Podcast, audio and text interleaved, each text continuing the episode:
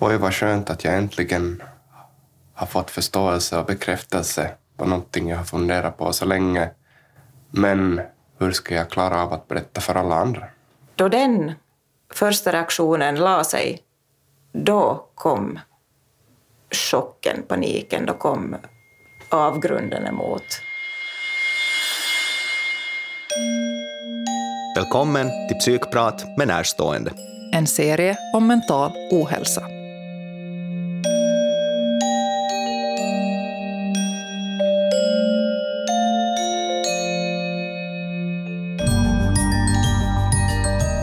Alla tyckte att jag var ju en idiot. Skulle man ha kunnat göra annorlunda där och där och i den och den situationen? Och Det blir ju oftast att man triggar varandra och att det blir mycket negativa känslor och sånt istället för att kanske stötta varandra hela tiden. Ja, alltså hur som hemskt du blev vältad. I det här avsnittet Anton och Ann-Sofie. ADD, Asperger och alkohol. Anton är 26 år, musiker, föreläsare och kär pojkvän till Ann-Sofie, 35. De träffades på ett gemensamt jobb och lever idag intensivt tillsammans då Anton inte är ute på turné eller Ann-Sofie har sina barn. Mental ohälsa och neuropsykiatriska funktionsnedsättningar är en del av parets liv. Ann-Sofie är på väg ut ur en utmattningsdepression samtidigt som hon försöker landa i det faktum att hennes son bär på den ovanliga diagnosen Smith-Magenis syndrom, en utvecklingsstörning som oftast beror på en kromosomavvikelse. Trots turbulenta år känner Ann-Sofie sig för det mesta stark nog att stötta också Anton. Han är tidigare alkoholist och diagnostiserad med ADD med drag av Aspergers syndrom. No, jag kan väl mer eller mindre säga att jag har känt mig annorlunda största delen av hela mitt liv. Att, att redan i tidig lågstadieålder så, så liksom kunde jag uppstå tankar inom sig själv att, att, att varför, varför händer det så här och varför uppstår den här situationen? Anton minns sig själv som en stor dagdrömmare i skolan. Lärarna fick ständigt puffa i honom och påminna honom om vad han skulle göra. Du sitter själv och tänker på något annat och sen när du börjar kolla omkring dig så läraren pratar och alla andra har tagit fram den här boken som läraren sa för ett, exakt två minuter sedan skulle vara fram, men själv har man inte ännu gjort det. Alltså jag minns nog var ju lite skämmigt. Skämmigt nog för att man var som... Man var i princip två steg efter de andra. Trots svårigheterna tog Anton sig igenom skolan med ett medeltal på 7,0 utan stödundervisning. Han studerade musik och IT och levde det ungdomsliv som för så många innehåller en hel del festande. Men dåligt självförtroende och dålig självkänsla ledde till ett gränslöst drickande. Ja, alltså jag, kommer som i, jag kommer som ihåg från den tiden då jag drack också jag, jag, att jag tyckte om att vara berusad. Jag, jag, liksom, jag, jag kände ett helt annat självförtroende när jag var berusad. Men sen efter den här salongsberusningen och när man liksom kände sig uppåt och, och, och hemåt så, så, så uppstår ju förstås de här tråkiga konse, konsekvenserna. För, för liksom, mitt problem med alkoholen var att eh, jag, hade ingen, jag hade aldrig någon koll på hur mycket jag drack. En vanlig onsdagkväll gick festen överstyr. Liksom, det var ju en, en sån kväll var de sålde billigare sprit åt studeranden. Jag kommer ju, som, kommer ju bra ihåg det där att, att liksom en drink så kunde ju kosta två euro och de uppmanar ju en också att liksom köpa två på en gång för fyra euro då du ändå är igång. Så, så redan efter halva kvällen där så var ju, helt, var ju min film helt borta och liksom resten av vad som har hänt sen så har ju bara min kompis kunnat uppge. Festen har fortsatt hemma hos Anton och i något skede har han slocknat i sin lägenhet. Sen när jag vaknade upp nästa gång så var jag inte, så var jag inte hemma utan, utan var, jag bodde granne med ett hotell. Så det var det här. Det var personalen som var på morgonskiftet som hade, som hade hittat mig, hittat mig då det här utomhus. och det här. Och, och, och det, här, det här var ju februari, en, en liksom kall vinternatt och, och väldigt lite kläder hade jag dessutom på mig. Jag kommer ihåg att jag hade inga skor, skor på mig till exempel, så att liksom fötterna var ju, var ju alldeles... Så att jag, jag liksom bara tänker för mig själv många gånger att om inte någon skulle, liksom, skulle, skulle hitta mig eller att om jag skulle slockna en snödriva så att, att liksom... Man funderar ju nog att eh, skulle man ens vara i liv mera, mera idag.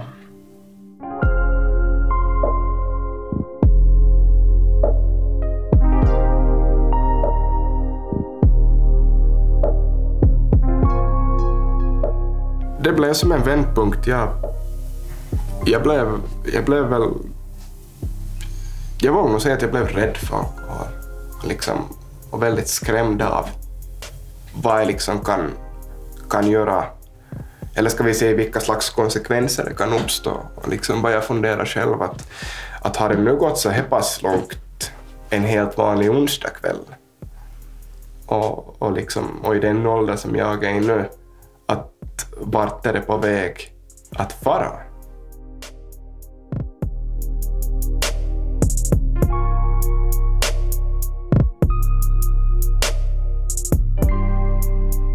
Vändpunkten förde med sig ett test. Anton skulle pröva på att vara utan alkohol i 30 dagar. Det gick bra och det nyktra livet fortsatte. Men Anton blev deprimerad och insåg att han använt alkoholen som en slags självmedicinering för att stärka sitt självförtroende och dämpa sin ångest. Han gick hos psykolog några gånger, men fick inte rätsida på livet.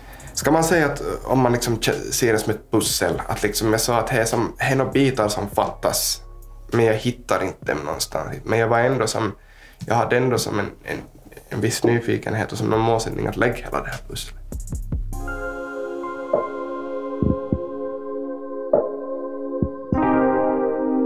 jag fick ju jättemycket mycket tid när jag slutade dricka alkohol. Och liksom jag började också fundera att varför, varför jag har de här olika typerna av beteenden och, och, och, och det här. Och, och började tänka också tillbaka på skoltiden, och varför blev saker och ting som de blev? Och äh, så snubblade jag helt bara över en, en, en dokumentär på, på Youtube som handlar om vuxna människor som, som lever med bokstavsdiagnoser i vardagen. Det var en sån dokumentär var, var de berättade jättekort hur det är att leva om olika situationer och sen böter vidare till nästa person. Och, och det här, eh, jag minns att jag blev väldigt tagen när jag kollade den här dokumentären för att jag, jag, kände, jag kände igen mig så jättemycket i vad de här vuxna människorna sa. Den här termen ADHD så, så liksom man vad liksom jag har tänkt och vad jag som har förstått då att det är liksom en, en person som får sådana här väldigt aggressiva utbrott eller om man tänker till ett barn som har en ADHD-diagnos att, att det är ett barn som väldigt för väldigt mycket högt ljud eller, eller klättrar och är väldigt som, klättrar överallt och är väldigt så här, hyperaktiv. Men, men liksom sen när jag lite började forska i det och i och med den här dokumentären fick jag reda på att, liksom, att det här ADHD så är mer som ett samlingsnamn att det finns, finns en typ som heter ADD, den här som jag har, och att det är den där HD på slutet som utgör den här hyperaktiviteten. Att jag har inte exempelvis den här hyperaktiviteten och de här raseriutbrotten utan, utan, utan mer av den här dagdrömmar-typen. Anton sökte hjälp igen och fick efter lång väntan och noggranna utredningar då diagnosen ADD med drag av Aspergers syndrom. Den här intervjun innebär för Anton en inre kamp. ADD kommer in och spökar i huvudet och ifrågasätter vad han svarar på mina frågor.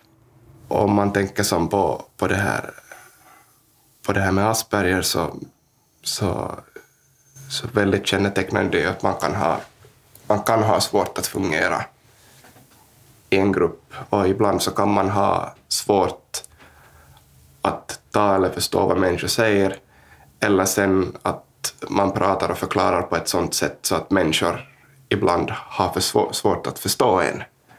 Och liksom det, det har jag märkt många gånger att många kanske har sagt att, att kan du ta om det här eller liksom, kan du förklara mera hur du menar? Och eh, om man tänker den här blandningen då mellan ADD och liksom Asperger, att, att om man har förklarat dåligt eller, eller missuppfattat någonting i en, en grupp så kan man sen i efterhand börja tänka att, att kunde jag nu säga så där eller, eller det här, tog de det på, på rätt sätt? Jag kan känna ganska lätt om det blir som ett obekvämt samtalsämne eller, eller, eller att jag kan, jag, kan, jag kan stundom vara väldigt, väldigt ytlig, ytlig också.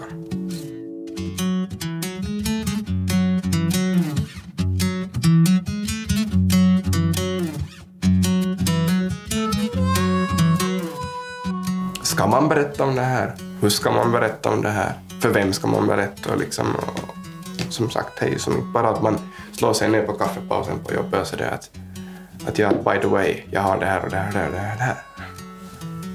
Det började som en vänskap. Sen då, då jag skilde mig så kom vi fram till att det kanske var lite mer än vänskap ändå. Så... Ja. vi hittade varann fast det inte var me meningen. Vad tänkte du, Ann-Sofie, om det här att Anton då hade de här diagnoserna och du gick in i en relation med honom? Nej, jag tyckte, jag tyckte att det var jättebra att han hade, att han hade undersökt liksom den delen av sig själv och fått de här diagnoserna. Och det, var inte, det var inte på något vis skrämmande eller främmande, utan jag såg ju, jag såg ju den han var. Jag tycker ju de här diagnoserna, så, så, det är nu en bisak, men det är det som gör honom till den han är och den jag tycker om. Det är just de här små sakerna som gör livet lite mer spännande att leva.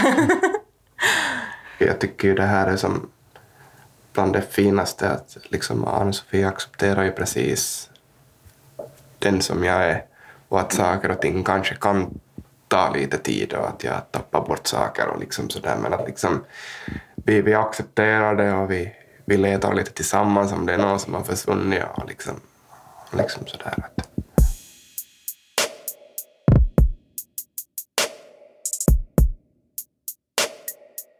Det är i de mest vardagliga situationer som Ann-Sofie märker av Antons ADD och Asperger. Han kan ha bort saker ibland. Vi har letat mycket papper och vi har letat nycklar och vi har letat plånböcker och vi har, vi har letat skor och allt möjligt. Sen är han lite disträ, lite tankspridd, lite som han beskriver själv, lite i sin egen värld ibland. Men då vet jag att okej, okay, jag har frågat en grej, han svarar inte. Jag väntar i 30 sekunder till, har inte han svarat då så då kan jag fråga igen. Man får, man får lugna sig, man får ha tålamod, allting behöver inte ske direkt. Men händer det att det liksom bubblar upp irritation inom dig då? Hur hanterar du den i så fall? Vad nu har han bort nycklarna igen när vi ska gå ut och gå. Nej, jag kan tänka det att jaha, han har bort nycklarna igen. Men det är inte en irritation kopplad till det. Utan det är bara okej, okay, vad kan det vara? Vi söker. Det som oftast som kan, kan hända för en person som har de här diagnoserna, som jag har och kanske inte har, har fått de här diagnoserna också, att man, man anses vara lat, man anses vara, vara okoncentrerad och, och liksom, så, men det behöver ju som inte, som inte handla om det utan det kan ju sen vara att, att om, om den här personen, eller så som i mitt fall, att när man väl får, får vara i en miljö där man kan känna sig koncentrerad så kan saker och ting, ting, ting liksom lyckas. Att, alltså det är så det typiskt för mig kan, du, kan, kan det också vara som att, att, att oftast så, så, så blir det att jag ibland skjuter upp vissa saker till just till, till kvällen före. Men det kan också vara en grej, det kan också vara som så att att resultatet blir som allra bäst då, för att man kan använda sig av någonting som kallas för hyperfokusering. Jag älskar att hyperfokusera. Det, det är när man liksom, du går in i ett, i, du, du går in i ett mode äh, där du jobbar väldigt koncentrerat med någonting och du, du, du störs inte av någonting runt om. Du förstår själv, du sätter telefon på tyst och du, du liksom du sitter timtals och jobbar om inte är någon som till sist kommer och säger att, att nu, nu kanske, kanske det, det, det, det räcker.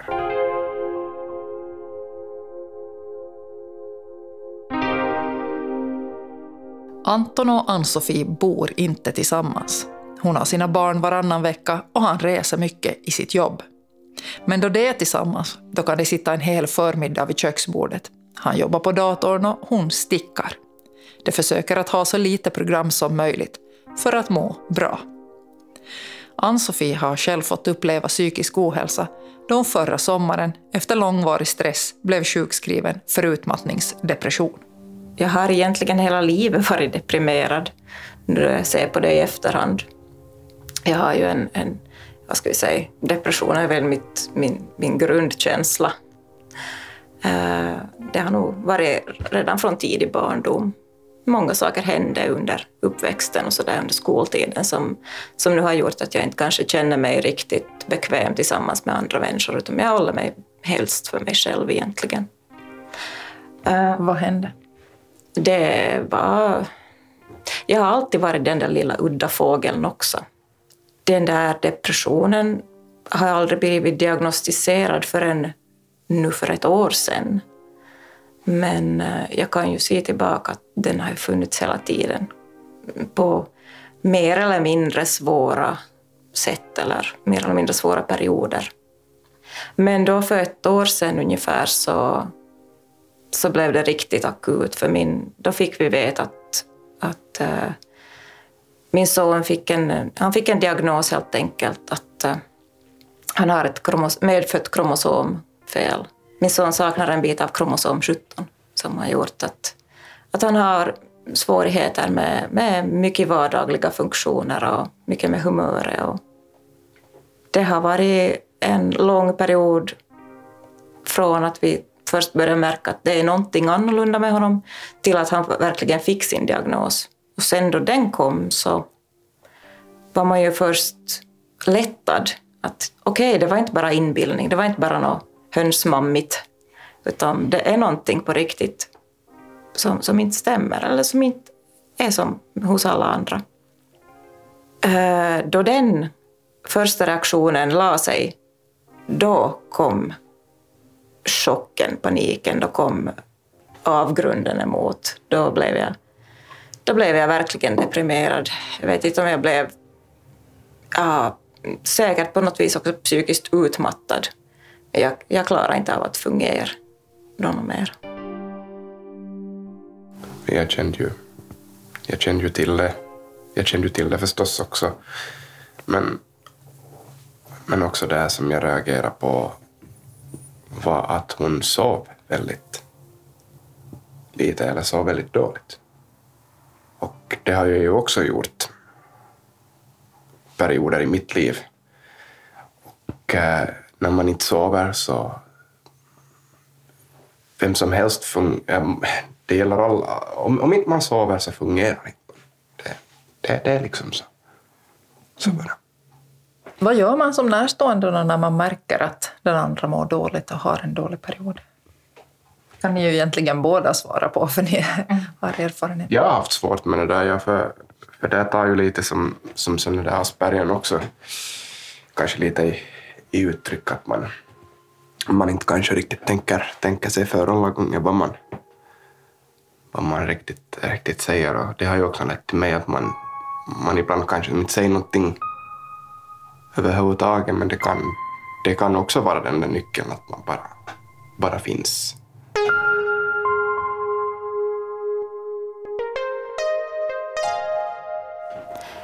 I vårt fall så har det hjälpt att vi, vi har kom överens från början att vi är helt ärliga.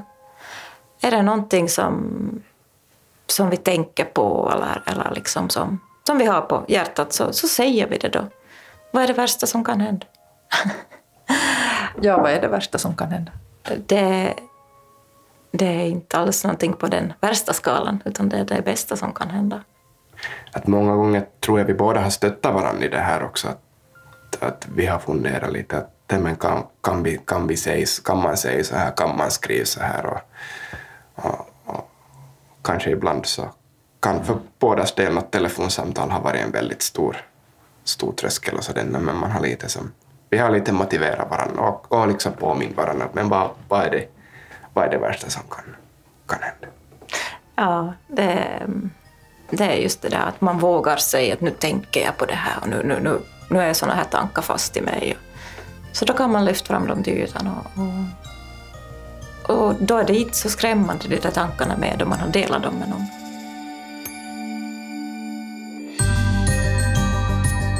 Ni har hört Anton Plogman och Ann-Sofie Finne.